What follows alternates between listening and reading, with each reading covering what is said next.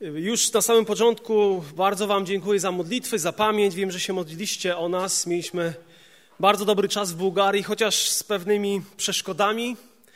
Różne rzeczy po drodze się działy z autem. Jak wyjechaliśmy, praktycznie jeszcze nie zdążyliśmy wyjechać, wysiadła klima po serwisie. Także było bardzo ciekawie, a w trakcie jazdy po Bułgarii kontrolka silnika się zapaliła i tak się świeciła.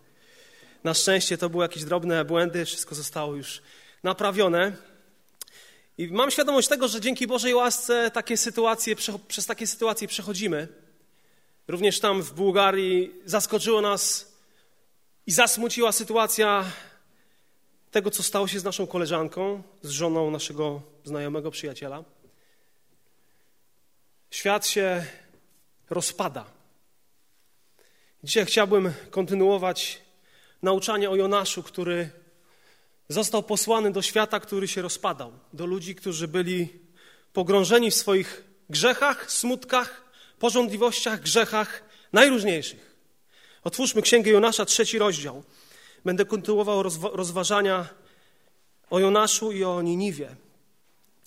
Panie Boże, chcę Ci dziękować za kolejny przywilej stania w Twoim imieniu, Panie, tutaj na tym miejscu. Dzięki Ci za, za mój zbór, za każdą osobę, która jest tutaj na tym miejscu, Panie. Za tych, którzy odpoczywają i modlimy się, przynosimy ich przed Twoje ręce. Modlę się też o tych, którzy będą słuchać tego, co będzie powiedziane, Panie. Dzięki Ci za Twoją łaskę, za Twoje słowo, za to, że mamy do niego dostęp, za to, że ono może nas karmić, ono może nas podnosić i napominać. Niech Tobie będzie chwała. Amen. Poznaliśmy Jonasza jako człowieka, który jest prorokiem, dostał od Boga niezwykłe poselstwo, trudne poselstwo, miał iść do Niniwy. Nie wiemy dlaczego, ale po prostu ucieka sprzed Bożego oblicza w drugą stronę. Nie chce iść do Niniwijczyków, ucieka do Tarszyszu i od tego czasu, kiedy zbuntował się przeciwko Bogu, jego życie idzie w dół. Znajduje statek, idzie na dno tego statku, zasypia. Ale Pan Bóg, jeżeli powiedział coś do niego, ten, ten człowiek nie posłuchał, to Pan Bóg w inny sposób zaczynał, zaczął przemawiać do niego. Między innymi przez fale, przez burze, przez grzmoty. I kiedy wszyscy się modlą, ten Boży człowiek śpi. Jakby miał jakąś duchową depresję, nie obchodzi go to, co się dzieje. A to z jego powodu na morzu dzieje się to, co się dzieje. I kiedy kapitan go obudził, zaczął go zachęcać, wołaj do jakiegoś swojego Boga, bo giniemy wszyscy. Rzucano losy i wtedy rzucono losy, i wtedy okazało się, że to Jonasz jest przyczyną tego wszystkiego. I on wtedy im się przyznaje, że ucieka przed Bogiem, który jest stworzycielem, który stworzył ląd i wodę, i, i to wszystko jest Jego. Każe wyrzucić siebie za burtę, ale ci ludzie się boją to zrobić. W pewnym momencie cały ten statek modli się już do jednego Boga, do Boga Jachwy, do Boga Izraela i wołają, mówią, Boże, nie chcemy mieć krwi tego człowieka na rękach. W końcu go wyrzucili. Jonasz sobie myślał, że pewnie no, zasłużył na to i jego życie się skończy w tych falach, w tej burzy. Może się uspokoiło, ale Pan Bóg zesłał specjalny statek podwodny, specjalną rybę, która połknęła tego człowieka.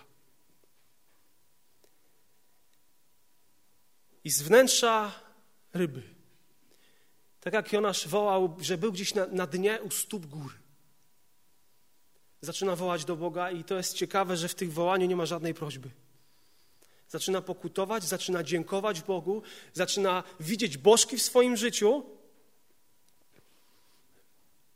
On mówi, że to Ty wszystko zrobiłeś, to co się stało, to Ty posłałeś te fale. To jest Twoje dzieło, Boże, bo chciałeś coś zrobić z moim życiem. I kończy swoje wołanie Jona słowami: U Boga jest zbawienie. To Bóg jest moim zbawieniem. I kiedy powiedział to wyznanie, czytamy o tym, że ryba wypluła go gdzieś na ląd. I w tym momencie Zaczynamy czytać trzeci rozdział. Słowo Pana tej treści powtórnie doszło Jonasza. Wstań, udaj się do Niniwy, tego wielkiego miasta i zwiastuj mu poselstwo, które ci przekazuje. Wtedy Jonasz wstał i udał się do Niniwy według słowa Pana, a Niniwa była bardzo wielkim miastem, na trzy dni drogi pieszej. A Jonasz rozpoczął wędrówkę do miasta, odbywając drogę jednego dnia i wołał tak – jeszcze 40 dni pozostaje do zburzenia Niniwy. Wtedy obywatele Niniwy uwierzyli w Boga, ogłosili post i oblekli się we włosienice wielcy i mali. A gdy wieść o tym doszła do króla Niniwy, wstał ze swojego tronu, zdjął swój płaszcz i oblógł się we włosienicę i usiadł w popiele. Na polecenie króla i jego dostojników ogłoszono taki rozkaz. Ludzie i zwierzęta, bydło i owce, niech nic nie jedzą, niech się nie pasą i niech nie piją wody. Niech włożą włosienice zarówno ludzie, jak i bydło i niech żarliwie wołają do Boga. Niech każdy zawróci ze swojej złej drogi i od bezprawia własnoręcznie popełnionego. A może Bóg znów się użali i odstąpi od swego gniewu i nie zginiemy. Jak gdy Bóg widział ich postępowanie, że zawrócili ze swojej złej drogi, wtedy użalił się Bóg nieszczęścia, które postanowił zesłać na nich i nie uczynił tego. Po, po tej dziwnej przygodzie we wnętrznościach ryby, Pan Bóg ponownie posyła poselstwo do Jonasza. Jakie poselstwo? Takie same, jak za pierwszym razem. Słowo Pana tej treści powtórnie doszło Jonasza. Ale mnie zawiodłeś. Idź precz od mojego oblicza. Jonaszu, nie chcę mieć z Tobą nic wspólnego. Między nami koniec. Zawiodłeś. Takie poselstwo nie dotarło. Ale niektórzy właśnie mają taki obraz Boga. Boga, który daje Tobie szansę raz, a potem zapomina o Tobie i nie dba o Ciebie. Słowo Pana tej treści powtórnie doszło do Jonasza. Sorry, Jonaszu, no przesadziłem. Naprawdę, no przesadziłem, nie powinienem Ciebie do tych bezbożników wysyłać. Zmieniam zdanie. Wiesz co, poślę do jakiejś rodziny żydowskiej. Tam jest kapłan, który trochę tam z grzechem ma do czynienia. To może tam pójdziesz. Naprawdę wybacz mi, sorry, przebacz.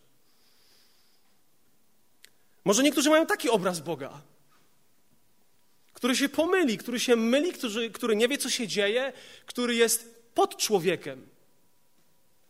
A to człowiek jest Bogiem. Ale dociera do niego takie same poselstwo. I w momencie, kiedy przeszedł przez prawdziwe piekło Jonasz, usłyszy, słyszy to samo słowo, bezpośrednio, werbalnie Bóg do niego mówi. Bóg w tym miejscu na lądzie spotyka Jonasza i w tym samym miejscu Bóg mówi do niego. Wcześniej przemawiał do niego przez słowo, przez burzę, błyskawice, fale, sztorm, przez marynarzy nawet. Pan Bóg mówi i to, że mówi, jest testem Twojej i mojej relacji z Bogiem. Czy Twój Bóg do Ciebie mówi? Czy słyszysz to, co On do Ciebie mówi? Jeżeli nie, to być może jest coś, co musisz uregulować. Może kiedyś ta księga taka była żywa dla Ciebie, a dzisiaj wydaje się Tobie i, i, i mnie martwa. Ale Pan Bóg troszczy się o jednego człowieka, o Jonasza. On troszczy się o jego służbę i Bóg jest Bogiem, który troszczy się o całe narody. Zobaczcie, że Pan Bóg odnawia jego służbę. Powtarza mu to samo i posyła go ponownie do tych samych ludzi. I czasami, jak, jak zawodzimy w relacji z Bogiem, może czegoś nie wykonujemy, to mamy nadzieję, że Pan Bóg coś innego zrobi, gdzieś indziej nas pośle. A Pan Bóg ciągle i ciągle potrafi przypominać nam to jedną rzecz, którą mamy zrobić. To samo, to samo, to, co próbujemy być może odrzucać od siebie. Kiedy sługa jest tym, kim powinien być, to zaczyna mówić i robić to, co powinien robić. Panu Bogu tak bardzo zależy na tym, kim Ty jesteś. Mimo tego, że zawiódł jako sługa, to jednak nadal był sługą Jahwe. List do Hebrajczyków mówi: Nie porzucę Ciebie ani Ciebie nie opuszczę. Nawet jeśli pogubisz się. George Morris powiedział takie słowa: Zwycięskie życie chrześcijańskie jest serią nowych początków. I myślę, że każdy z nas mógłby mówić o takich seriach nowych początków z Bogiem. O sytuacjach, kiedy myśleliśmy, że już na nas jest postawiona kreska, A Bóg cały czas mówił do przodu, moje dziecko, przebaczone. Idziemy razem, idziemy dalej. I kiedy upadasz w relacji z Bogiem, w wykonaniu tego, co On chce, to, to Twój i mój przeciwnik chce, abyśmy myśleli, że to jest koniec. Że to jest koniec relacji z Bogiem, że to jest koniec małżeństwa, że to jest koniec służby w kościele, że to jest koniec nadziei, że to jest koniec miłości, że to jest koniec przyjaźni, ale Bóg, jak patrzysz na Jonasza, jest Bogiem drugiej szansy. Nie musiał tego zrobić. Mógł zostawić Jonasz, a jednak uratował go, ocalił i ponownie wysyła. Wysyła do Niniwy. Jonasz ma bardzo trudne zadanie. To jest bardzo ważne asyryjskie miasto. Od 1250 roku przed Chrystusem zaczyna naprawdę napędzać się, zaczyna rosnąć w swojej potędze. Założone przez słynnego myśliwego z księgi Genesis Nimroda. Tam była wielka świątynia pogańska. I pamiętacie z poprzednich kazań, to byli bardzo okrutni ludzie, Niniwejczycy, Asyryjczycy. I mało wiedzieliśmy o tym mieście, ale w 1845 roku ktoś taki jak Austin Layard i George Smith jako pierwsi zbadali ruiny tego miasta.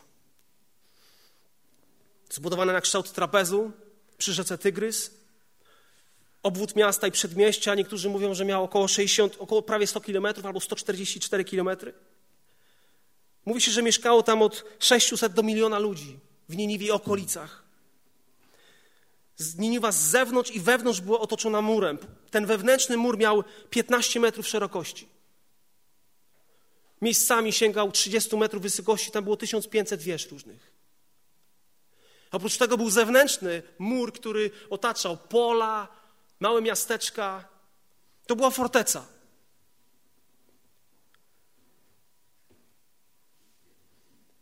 Asyria była znana z, ze swojego rozmachu, z dobrej armii, której bał się i zaczynał bać się cały świat. Znani z okrutności, z braku litości, nawet względem noworodków, małych dzieci, kobiet w ciąży, nie ma znaczenia. Tak jak wspominałem, obdzierali ludzi ze skóry żywcem. Zdarzało się tak, że kiedy walczyli z wrogami, to ucinali im głowy i z tych głów robili takie stosy przy bramie miasta. I ktokolwiek chciał walczyć z tymi ludźmi, miał świadomość, z kim będzie walczył, że tam nie będzie litości. I zanim dotarł do Niniwy, myślę, że Jonasz miał dużo czasu, żeby sobie trochę pomyśleć, co ze mną będzie. Ok, zgodziłem się, idę. Jak to będzie wyglądało? Przecież oni mają mnóstwo bóstw. Oni nie znają Boga Jahwe. Jak to będzie? Ma niezwykle trudne zadanie, które myślę, że go przerosło i przerastało. Z jednej strony to było bardzo proste, no ma mówić, ma mówić. Z drugiej strony, jak mówić wobec tych, którzy mogą pozbawić mnie życia? I kiedy Pan Bóg powołuje, to zazwyczaj człowiek, który ma świadomość tego Bożego powołania i tego zadania, chce uciec od tego zadania. Bo wydaje mu się tak duże, tak wielkie, tak niemożliwe do osiągnięcia, że po prostu trzeba uciec. Chyba, że że mój Bóg będzie ze mną. Chyba, że Jego moc będzie ze mną. Chyba, że Jego łaska będzie ze mną, to tylko i wyłącznie wtedy dam radę. Nie zrezygnuję, nie poddam się. I pamiętaj o tym, że Boża wola nigdy nie zaprowadzi Ciebie tam, gdzie Boża łaska nie mogłaby Ciebie zachować, a Jego moc nie mogłaby Ciebie użyć. Boża wola nie zaprowadzi Ciebie tam, gdzie Boża łaska nie mogłaby Ciebie zachować, a Jego moc nie mogłaby Ciebie użyć. I tak jest Twój i mój Bóg, który kiedy wysyła, to wyposaża. To troszczy się naprawdę o wszystko. Wtedy Jonasz wstał i udał się do Niniwy według słowa Pana.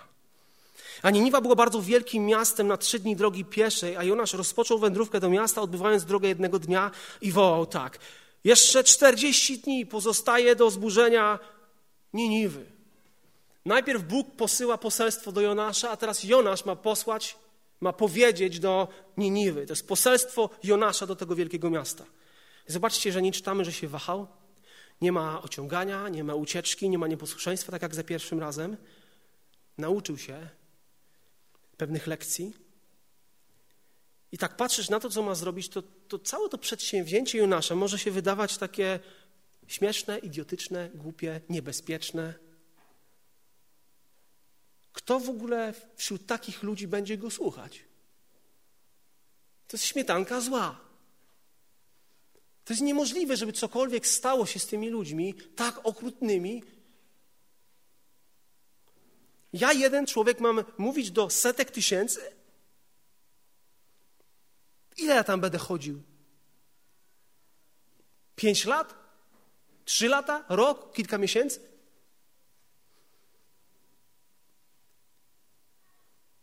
Jonasz mówi, dostaje drugą szansę. Tak jak powiedziałem, Pan Bóg jest Bogiem szans, ale wiecie co? Ta teologia drugiej szansy nie jest prawdą, która zawsze i wszędzie musi tyczyć się każdego. To, że Pan Bóg daje jednemu człowiekowi szansę, to nie znaczy, że Tobie ją da. W momencie, kiedy od dłuższego czasu tkwisz w buncie i nie chcesz się zmienić. I wiemy doskonale, że Pan Bóg w wielu przypadkach mówi dość, dość.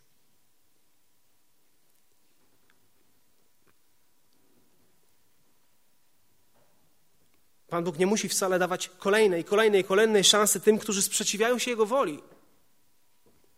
Niniwa jest nazwana wielkim miastem. Wielkim miastem, jeśli chodzi o rozmiary, ale również wielkim miastem, jeśli chodzi o grzech. I Jonasz mówi o 40 dniach. To jest liczba, która jest, dość często występuje w Biblii. Jest ta, ta liczba identyfikowana z jakimś, z jakimś testem, z jakąś prośbą, wskazuje na jakiś egzamin, często wskazuje na sąd, na pewnego rodzaju upokorzenie. Pamiętacie, kiedy Noe wszedł do arki?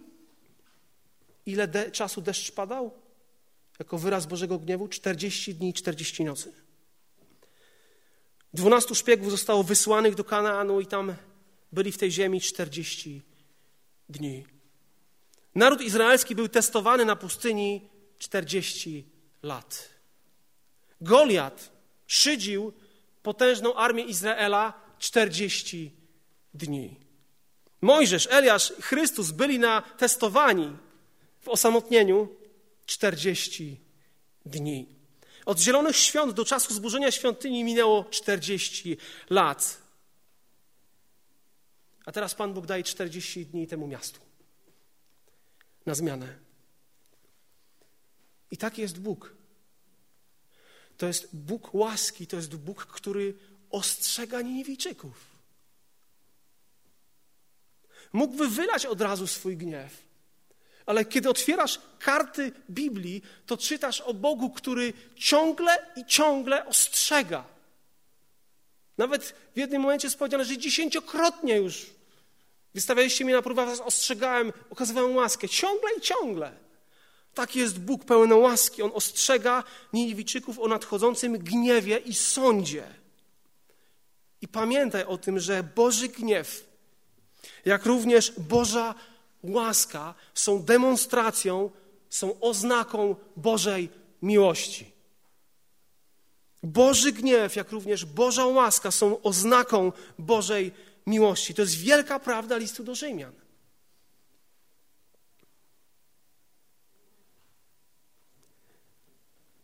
W tamtych czasach tacy dziwni ludzie jak prorocy, jacyś wysłańcy obcych armii mieli, powiedzmy, że mieli tak zwany dyplomatyczny immunitet. Teoretycznie nic nie powinno się im stać. Teoretycznie. I co Jonasz y, mówił tylko jedno zdanie? 40 dni będzie zburzenie, zniszczenie? Myślę, że każdy z nas chciałby się dowiedzieć więcej o tej jego służbie w Niniwie. O czym jeszcze mówił? Czy on im powiedział o Bogu Jahwe? Może on powiedział im o swoim świadectwie, jak znalazł się w rybie? Co się stało? Może wytknął im bawuchwalstwo, okrucieństwo, grzech. Mówiąc o swojej historii, powiedział im o mocy Bożej, który, o Bogu, który ma wpływ i potrafi powiedzieć i na morzu dzieją się rzeczy tak, jak On mówi. Powiedział o mocy Bożej, o suwerenności Bożej, nie wiemy tego. Ale wiemy z pewnością to, że zwiastował to, co chciał Bóg. Mówił im to, co powiedział do niego Bóg. Nic więcej, nic mniej.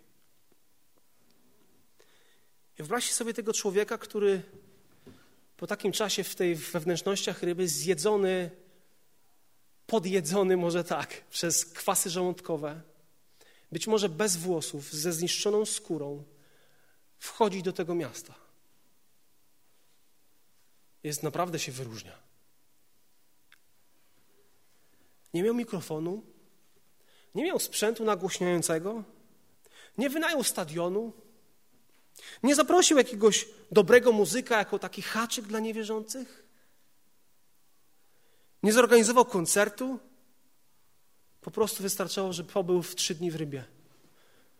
Jego, on był widoczny wszędzie. Doktor Harry Riemels, ja chyba o tym wspominałem, rozmawiał z człowiekiem, który przez dwa dni spędził w wielorybie. I od tego czasu, dwa lata później, przeprowadził z nim wywiad, wywiad. I tak jak powiedział, ten człowiek nadal nie miał włosów, a jego skóra miała kolor żółtawo-brązowawy. Po dwóch latach takiego, takiej przejażdżki. Wyobraź sobie, jak on wyglądał. Wyobraź sobie ludzi, którzy z pewnością widzieli podobne przypadki, może rzadko, ale widzieli. Setki pytań. Kim jesteś? Co robisz? Dlaczego tak wyglądasz? On przecież był człowiekiem, tak jak sam mówi, który wrócił z grobu. Powrócił z, z pływającej śmierci, z Szeolu.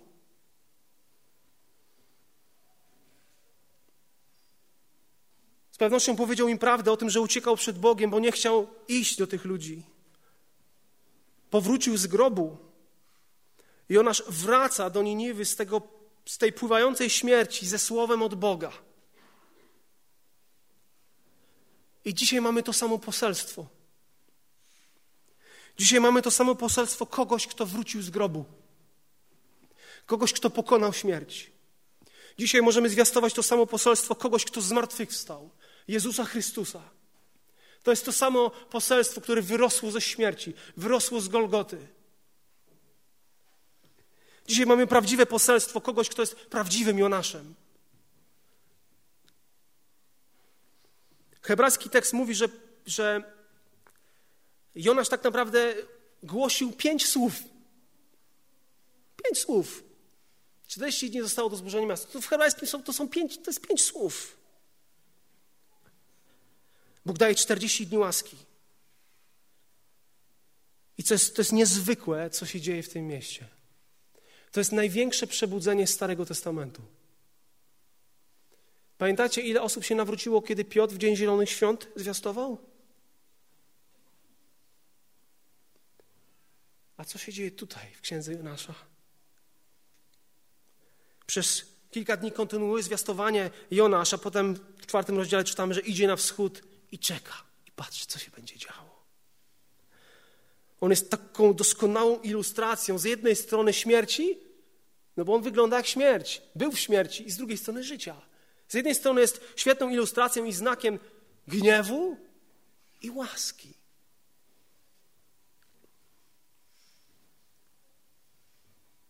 Niwijczycy, którzy czcili Boga mórz Dagona, nagle widzą kogoś, kto wyrwał się ze szpon Dagona i żyje. Ten Bóg morza go nie zabił. Wiedzieli, co się z nim stało. Wyróżnił się w tłumie. Chodzący znak dla Niniwy.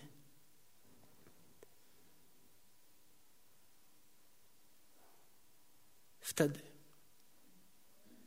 wtedy obywatele Niniwy uwierzyli w Boga. Ogłosili post i oblekli się we włosienice wielcy i mali. Czy to jest możliwe? Albo jak to jest możliwe? Jak to jest możliwe, że przez 40 lat, przez 30 lat, przez 20 lat zwiastuje swojej siostrze, swojej mamie, swoim przyjaciołom, swoim kolegom w pracy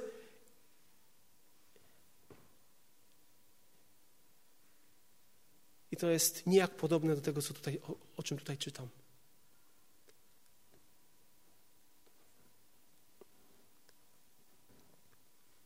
Kiedy Pan Bóg powiedział do Jonasza, Jonasz mówi do Niniwy, a teraz Niniwa zaczyna mówić do Boga.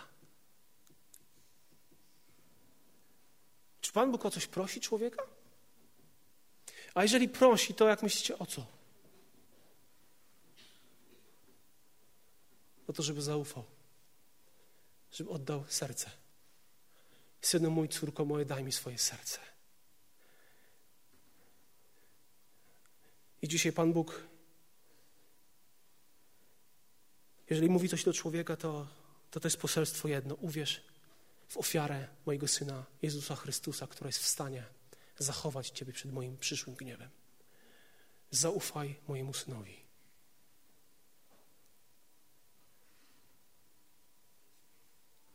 Zaufaj w to, jakby uwierz w to, co On dla Ciebie zrobił. Czy wierzysz? Czy wierzysz w Jezusa Chrystusa? w tego, który dotknął śmierci, ale ta śmierć go nie pokonała? Czy wierzysz w tego, który jest w stanie zachować cię przed przyszłym gniewem? Czy wierzysz w tego, który jest w stanie powołać ciebie i wysłać daleko? Tam, gdzie może dzisiaj nie chcesz, ale pójdziesz. Czy wierzysz w tego, który przygotowuje dla ciebie miejsce u swojego Ojca? Czy możesz powiedzieć, że właśnie ten, który pokonał śmierć, jest moim zbawicielem, jest moim przyjacielem? Jest moim wszystkim. Jest moją pracą i moim jedzeniem. I nie muszę się bać niczego, nie muszę się bać tego rozpadającego się świata, bo jestem w Jego ręku. Czy masz takiego Zbawiciela? Czy znasz takiego Zbawiciela? Czy Twój Bóg jest Jezusem Chrystusem? Czy to jest Twój Bóg, Twój Pan? Ludzie, którzy niczego i nikogo się nie bali w Niniwie, teraz zaczynają bać się Boga. Boga Jahwe, tego, który mówi jestem, który jestem. Czytamy o tym, że włożyli, włożyli włosienicę.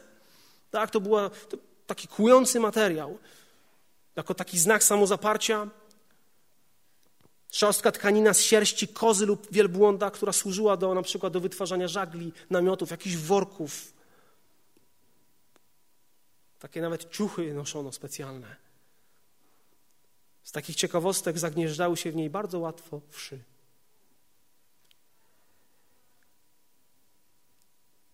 Co spowodowało tak szybką reakcję tych ludzi?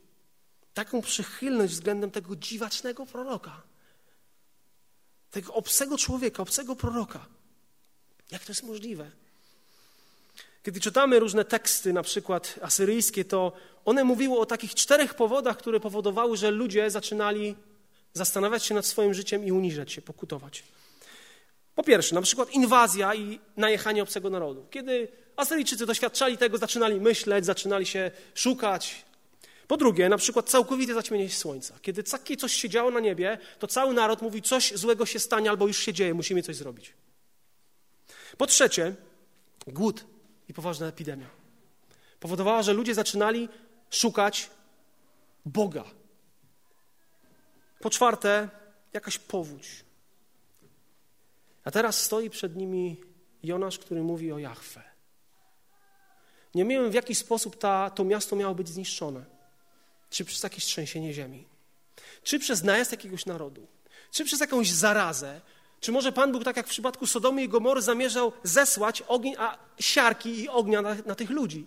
Nie wiemy tego, ale zniszczenie, Jonasz mówił o zniszczeniu.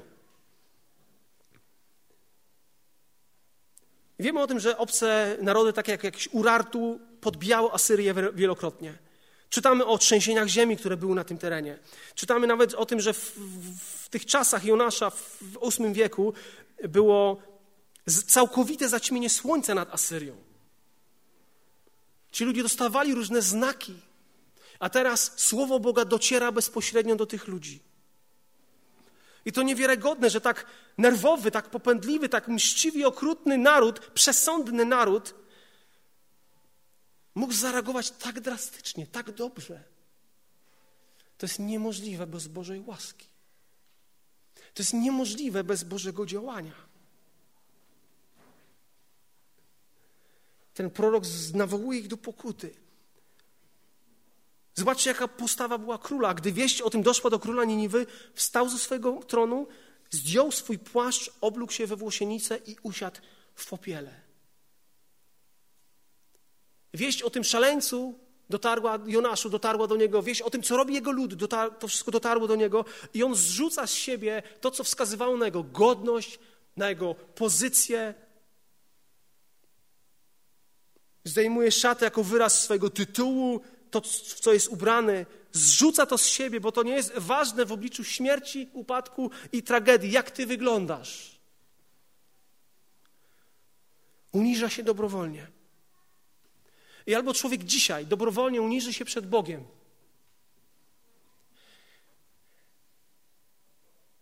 albo pewnego dnia będzie poniżony i uniżony przed Bogiem siłą.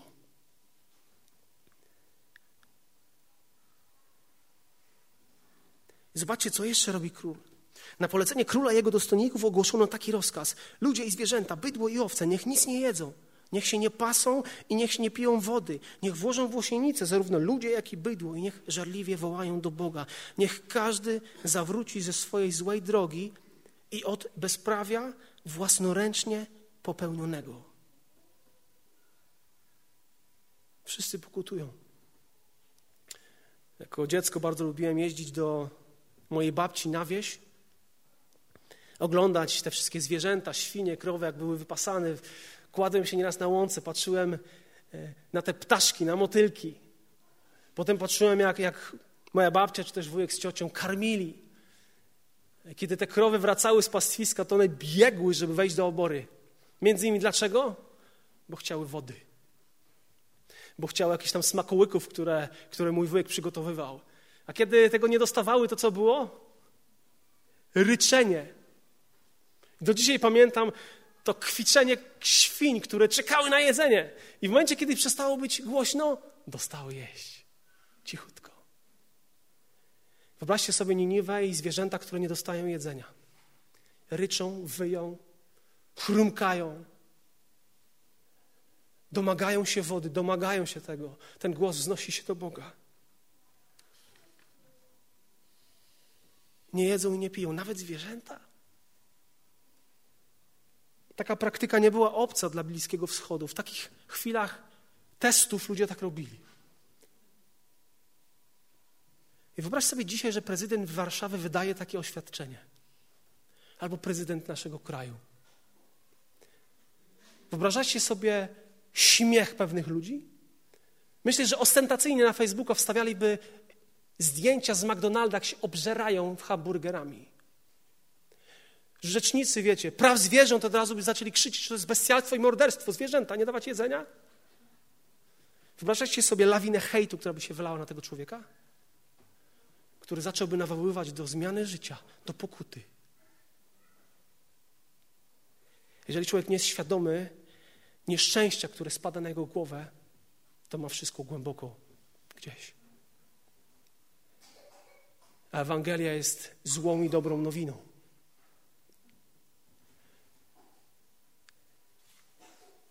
I ten król mówi: Niech wszyscy żarliwie wołają do Boga. Podobnie jak marynarze na statku wcześniej, podobnie jak Jonasz we wnętrznościach, teraz ci ludzie wołają do Boga. Nie do Dagona, nie do Asztarty, ale wołają do Boga niebios, do Boga Jahwe, do Boga, o którym powiedział im Jonasz. Przecież każdy, kto w Niego wierzy, nie zginie, ale będzie miał życie wieczne. Słuchajcie, Noe nie doświadczył takich chwil. Przez 120 lat budował arkę i zwiastował tym ludziom. I nie widział tego. Ale w Niniwie było inaczej. Zobaczcie, że post tych ludzi, ubiór, włosienica, żarliwa modlitwa, uniżenie się przed Bogiem, odwrócenie się od swoich złych dróg, to było takim wysłaniem poselstwa do Boga nieba. To była ich modlitwa, to jest to, co teraz szło do Boga. Najpierw Pan Bóg coś zesłał przez Jonasza i teraz to idzie do Boga. Czy będzie jakaś zmiana?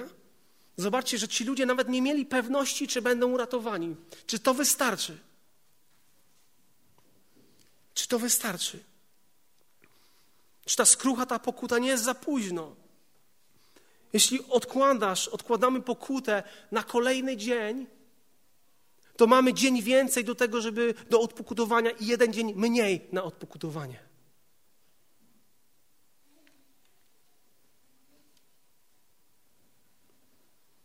A może Bóg znów się użali i odstąpi od swojego gniewu i nie zginiemy? Kto wie? Wiesz, czego dzisiaj, od czego człowiek potrzebuje zbawienia? Od Boga. Człowiek potrzebuje zbawienia od Boga, od Jego gniewu. Człowiek potrzebuje ratunku od Boga. Mówi się zazwyczaj, że od grzechów, tak? Ale grzechy nie są problemem, jeżeli człowiek jest pojednany z Bogiem.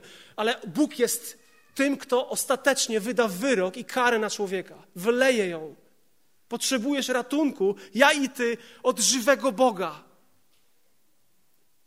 I od jego gniewu. I o tym wiedział ten król. Może Bóg się ulituje i nie wyleje swojego gniewu na nas. Jest nadzieja, mieli nadzieję, że Bóg się zmiłuje i odwróci od gniewu. A skąd to wiedzieli, że on taki jest Bóg? Skąd o tym wiedzieli? Ci bezbożnicy. Skąd wiedzieli, że Jachwę jest łaskawy, miłosierny, cierpliwy, współczujący? Skąd o tym wiedzieli? Myślę, że Jonasz im o tym powiedział. Sam w to wierzył przecież. Ale to, że pokutowali, to jest ciekawe, nie było gwarancją, że będzie jakiś skutek tej pokuty. Mieli nadzieję. I to ta nadzieja miłosierdzia jest tą wielką zachętą dla pokuty, że będzie miłosierdzie. Mam nadzieję, że, że Pan Bóg zmiłuje się nade mną. I żaden grzesznik, który przychodzi do Boga, to nie jest tak, Ty na pewno się zmiłujesz nade mną. Nie, ma nadzieję, że Boże, zbawisz mnie, daj mi nowe życie.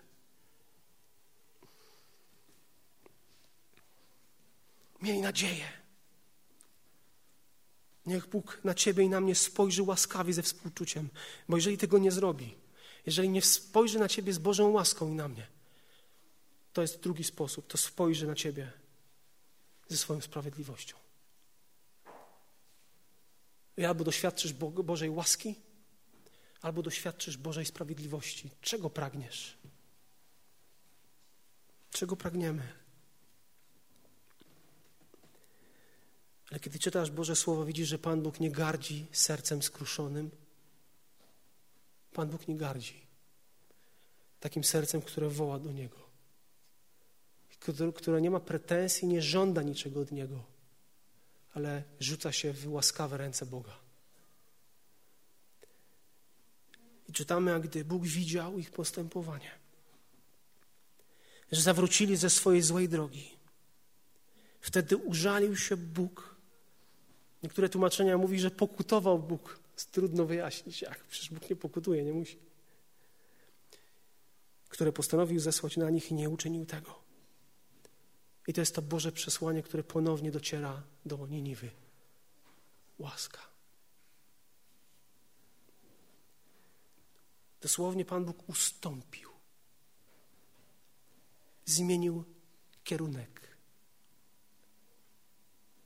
Przecież wiemy, że jednym z atrybutów Boga to jest Jego niezmienność. Fragment Biblii mówi, że Pan Bóg nie żałuje, chociaż w niektórych fragmentach tak mamy przetłumaczyć. Przecież On nie jest człowiekiem, żeby żałował. A jednak czy, czytając ten fragment widzimy, że chyba jednak coś jest tutaj trudnego. On był wzruszony, on był pełen litości. Twój mój Bóg. Ten, który jest sprawiedliwy, jest też łaskawy.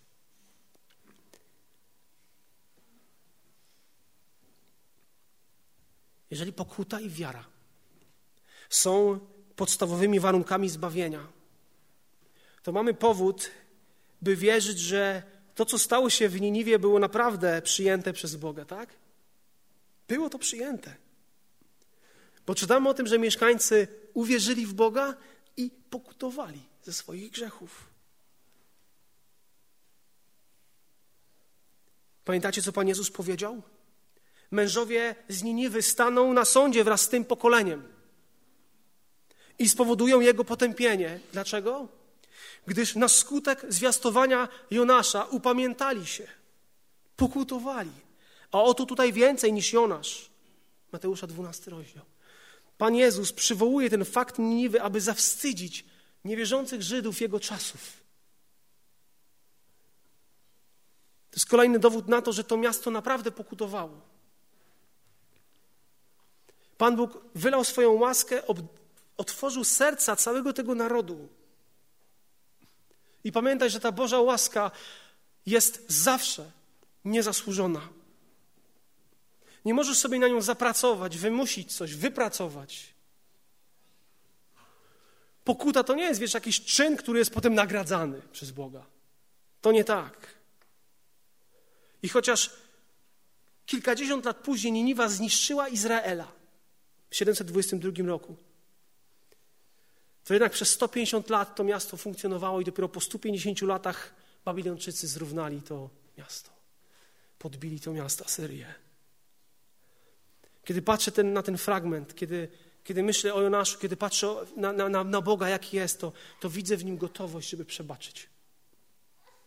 To widzę w nim gorliwą gotowość, żeby obdarzyć człowieka nadzieją, żeby dać mu przebaczenie. Ale zobaczcie, to się odbywa, kiedy najpierw jest zwiastowana Ewangelia, która konfrontuje człowieka z jego grzechem, z jego uporem serca. I Ewangelia, która nie konfrontuje człowieka z jego zepsuciem, nie jest Ewangelią. I coraz więcej jest jej w kościele.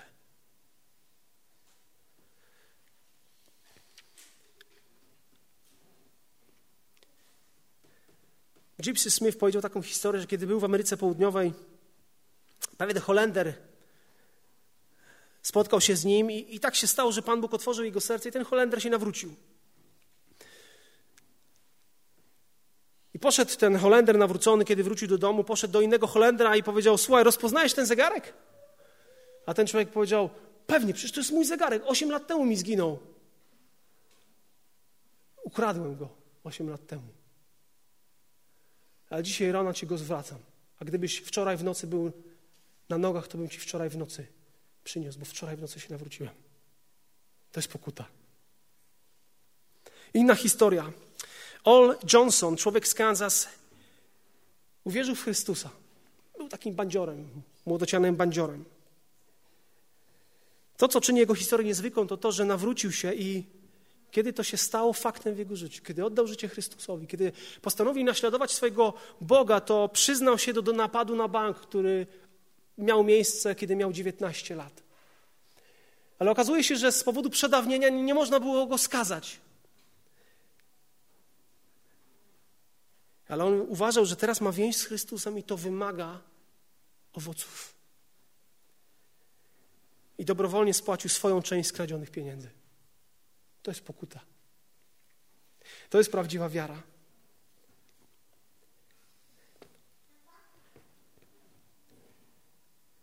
Kiedy patrzysz na fragment, który mówi o Jonaszu, o Niniwie, jakie masz myśli?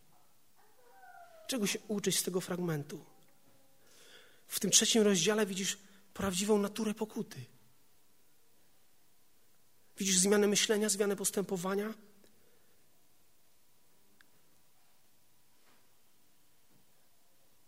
Zaczynasz robić to, co powinieneś robić, to, co Pan Bóg chce, abyś robił, robiła. A pytanie, co powinniśmy robić w naszym domu, jeśli chodzi o prawdziwą pokutę? A co w naszym małżeństwie? A co w naszym kościele, aby prawdziwie pokazać, że naprawdę żałujesz, że pokutujesz? Co musi się zmienić? Ile czasu ty i ja potrzebujemy na pokutę? Niniwa dostała 40 dni i od razu zaczęli pokutować. A co z nami? Dzień wystarczy? Tydzień, miesiąc? Za rok może?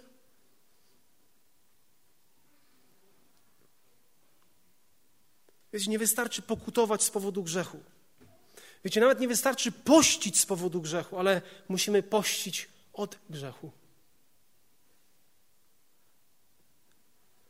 To było chyba największe przebudzenie Starego Testamentu.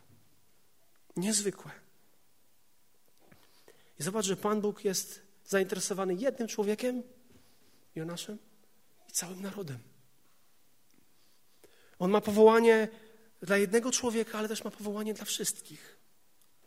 I zobaczcie, że Bożym celem jest powoływać ludzi z każdego plemienia, z każdego języka, z każdego narodu. To jest w Bożym sercu. On jest zainteresowany Tobą i wszystkimi. Taki jest Twój i mój Bóg. I On jest zainteresowany, aby posyłać takich jak ja i Ty do tych, którzy giną, do tych, którzy może już wszyscy na nich, na nich krechę postawili. To jest niemożliwe, żeby się nawrócili. I kiedy patrzę na ten fragment, to, to widzę, że nie mogę tak podchodzić. Nieraz tak jest, że widzisz kogoś i sklęty jakiś po prostu menel. Mówisz, no nie, no Ewangelia do tego człowieka nie dojdzie. I widzisz gościa, który ma się całkiem dobrze, krawacik, no ten jest gotowy na przyjęcie Ewangelii. Się okazuje, że jest zupełnie źle. Ludzie, o których byśmy się nie spodziewali, nagle otwierają swoje serce i wyznają, Jezus jest Panem.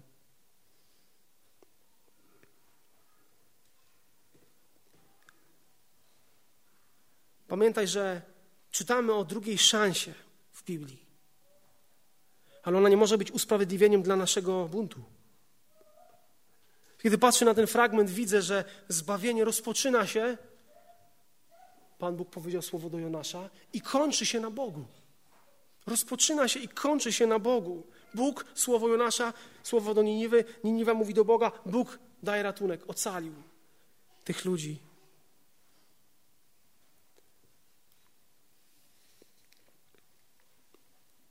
I pytanie, co ja, ja, i, ja i ty, co ta wspólnota jest w stanie zrobić dla Ewangelii? Co ty i ja jesteśmy w stanie zrobić, aby to Boże Słowo docierało do krańców ziemi? W jaki sposób możemy czynić innych uczniami Pana Jezusa Chrystusa? Bo to jest Twoje i moje zadanie, to jest powołanie dla każdego. Powołanie do zwiastowania słowem i życiem, jest powołanie dla Ciebie, kimkolwiek jesteś, jeżeli jesteś Bożym dzieckiem.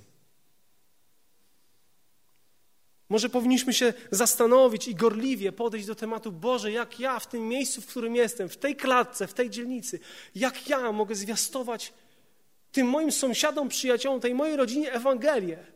Co mogę zrobić, skoro Twoje serce jest w misji, w ewangelizacji? Poprowadź mi Boże. Postaw mnie na czyjejś drodze, albo kogoś na mojej drodze postaw. Przygotuj moje serce do tego stopnia, że będę wiedział, że to jest czas i miejsce przygotowane przez Ciebie i ja mam wejść w to i mówić. Tak łatwo nam się żyje. Tak łatwo nam zapominać o tej najważniejszej misji zbawienia, bo przecież po to przyszedł Jezus, aby zbawić, szukać i zbawić to, co zginęło. Dlaczego my szukamy? kogo my zbawiamy. Niech ta historia Jonasza będzie niezwykłym przypomnieniem tego, jaki jest Bóg i co On pragnie, czego On pragnie. Niech ta historia pobudzi Ciebie do innego spojrzenia na swojego Boga i na ludzi wokół Ciebie, którzy giną. Bóg jest Bogiem łaski. Bóg jest Bogiem miłosierdzia. Bóg jest Bogiem powołania. Bóg jest Bogiem drugiej szansy. Bóg jest Bogiem słowa, poselstwa. Bóg jest Bogiem ratunku. I ten Bóg jest Twoim Bogiem. Niech Jego imię będzie uwielbione i wywyższone. Amen. Powstańmy do modlitwy.